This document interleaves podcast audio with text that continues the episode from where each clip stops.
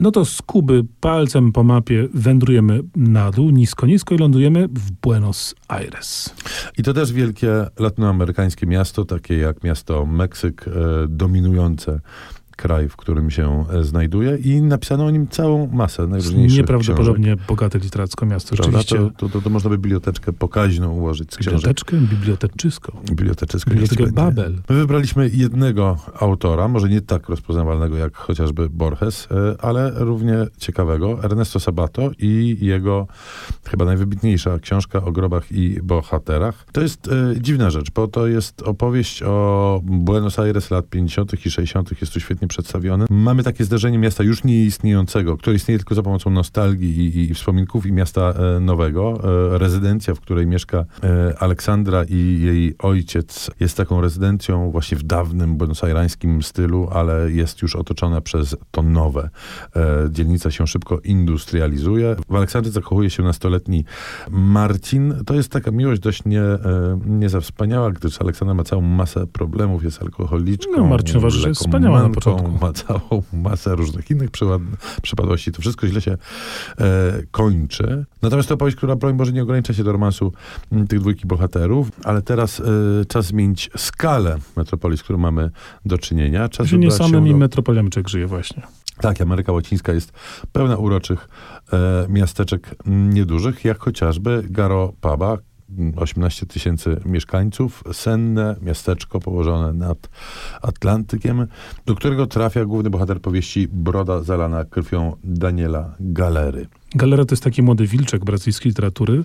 On zajmował się dotąd głównie tłumaczeniem, ale wreszcie zabrał się za pisanie własnych rzeczy i jest w tym taki pazur. Ja muszę powiedzieć, że to jest książka, która sprawiła mi nieprawdopodobną przyjemność, bo tam się bardzo dużo dzieje. Mamy zagadki y, z przeszłości, tajemnice, radzenie sobie z własnymi problemami, nieprawdopodobnie głęboki, właśnie taki plastyczny obraz miasta. I to właśnie dlatego postanowiliśmy tę książkę dać na listę, bo i o Rio są książki, i o São Paulo by się sporo znalazło, ale to właśnie ta mała Garopaba doczekała się niezwykle sugestywnego opisu. Ja nigdy tam nie byłem, mam nadzieję, że kiedyś pojadę, ale po, y, po tej lekturze mam poczucie, jakbym znał tą miejscowość i sporą część jej mieszkańców naprawdę nieźle. Nie, niesamowity kawał prozy. Strasznie się potem chce jechać do Brazylii. My wróćmy do dużego miasta, do miasta, co gorsza, o złej sławie.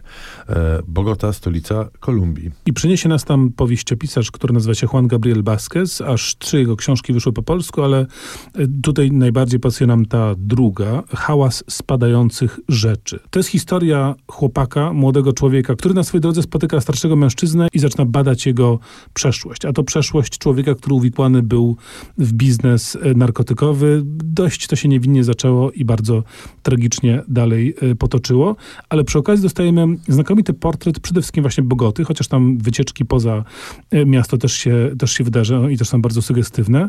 Widzimy, y, chodzimy z bohaterem po starówce tego miasta, widzimy takie jego typowe elementy. To nie jest zwiedzanie z przewodnikiem zabytków turystycznych, natomiast takie smakowanie, knajpy, miejsca, ludzie, sytuacje y, i to specyficzne ulokowanie Bogoty, która gdzieś tam sobie wysoko w tych górach ze swoim specyficznym klimatem tkwi. Również taka bardzo namacalna, gęsta i plastyczna proza. No właśnie, niniejszym skończyliśmy zwiedzanie piątej latynoamerykańskiej metropolii. E, pojawiło się też jedno senne miasteczko. To na pewno e, miasta e, ciekawe. Pewnie wypocząć w większości z nich się nie da, bo ruchliwe, wielkie.